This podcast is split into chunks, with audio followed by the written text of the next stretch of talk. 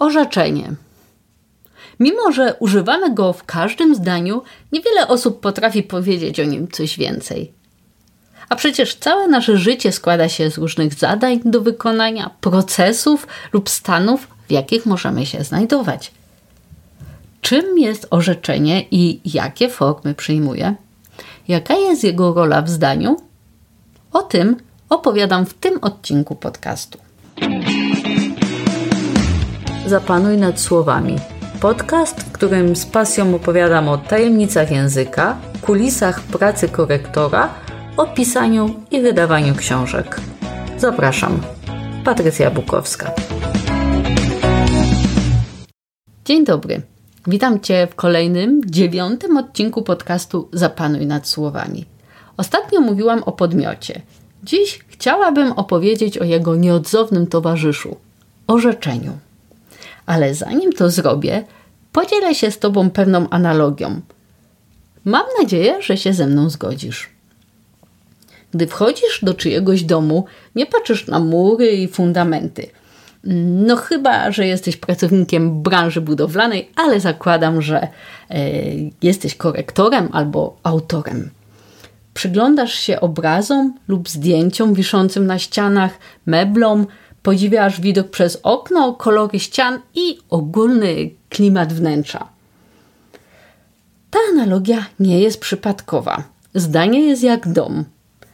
Gdy czytasz zdanie, nie zastanawiasz się, jak jest zbudowane.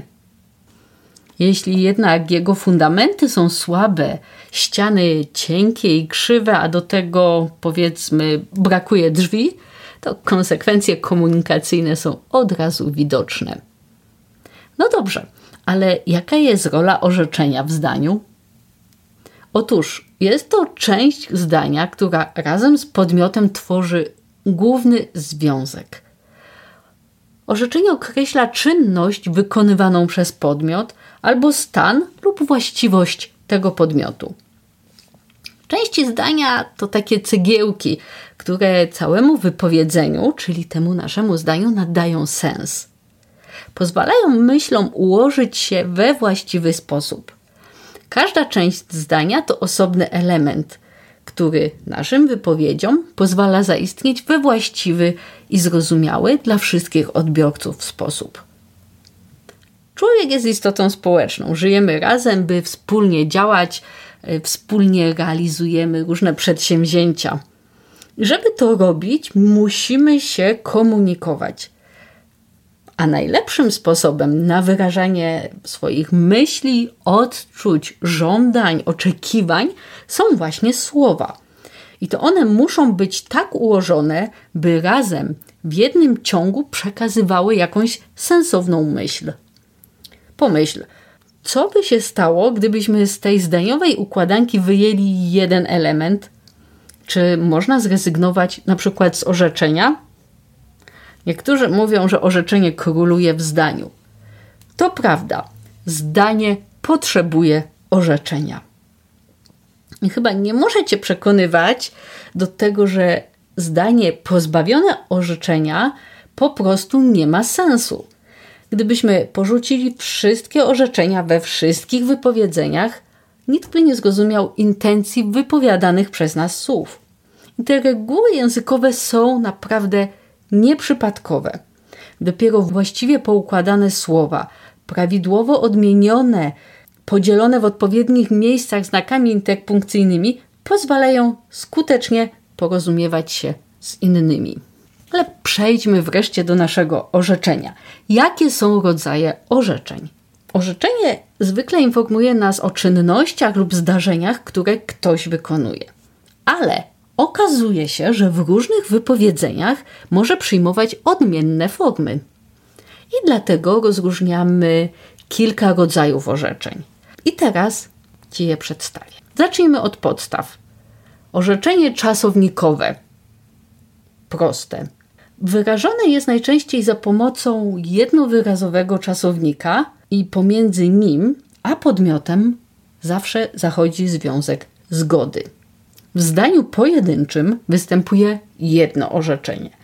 Na przykład Piotr zjadł obiad. Na przykład Piotr zjadł desek. W zdaniu złożonym występują co najmniej dwa orzeczenia. Na przykład Piotr zjadł desek, który przygotowała jego mama. Czasem jednak pojawia się w bardziej rozbudowanych formach. I znów przykłady. Śpiewaliśmy całą noc. On by tego nie wziął. Wczoraj sprzedano ten dom. Kolejnym rodzajem orzeczenia jest orzeczenie w formie bez okolicznika. Niekiedy ta część zdania może odzwierciedlać subiektywne postawy mówiącego, i w takich przypadkach funkcję orzeczenia przejmuje bezokolicznik. Przykłady? Proszę bardzo. Tylko mi się nie spóźnić. Mieć znowu głowę pełną marzeń. Podać ciasto? Kolejnym rodzajem orzeczenia jest orzeczenie imienne. Pewnie pamiętasz y, dobrze ze szkoły ten podział. Orzeczenie imienne składa się z dwóch części: z łącznika i orzecznika. Funkcję łącznika zwykle przejmuje forma osobowa czasownika być. Natomiast rola orzecznika przypada przymiotnikowi, zaimkowi, rzeczownikowi, liczebnikowi lub przysłówkowi. Łącznikiem może być także słowo posiłkowe to. Przykłady? Jej tata jest weterynarzem. Zosia jest wyjątkowa. Franek zostanie wkrótce lekarzem. Do tej kategorii orzeczeń złożonych należą również konstrukcje z czasownikiem fazowym typu zaczynać, kończyć, albo czasownikiem modalnym typu mieć, móc, umieć.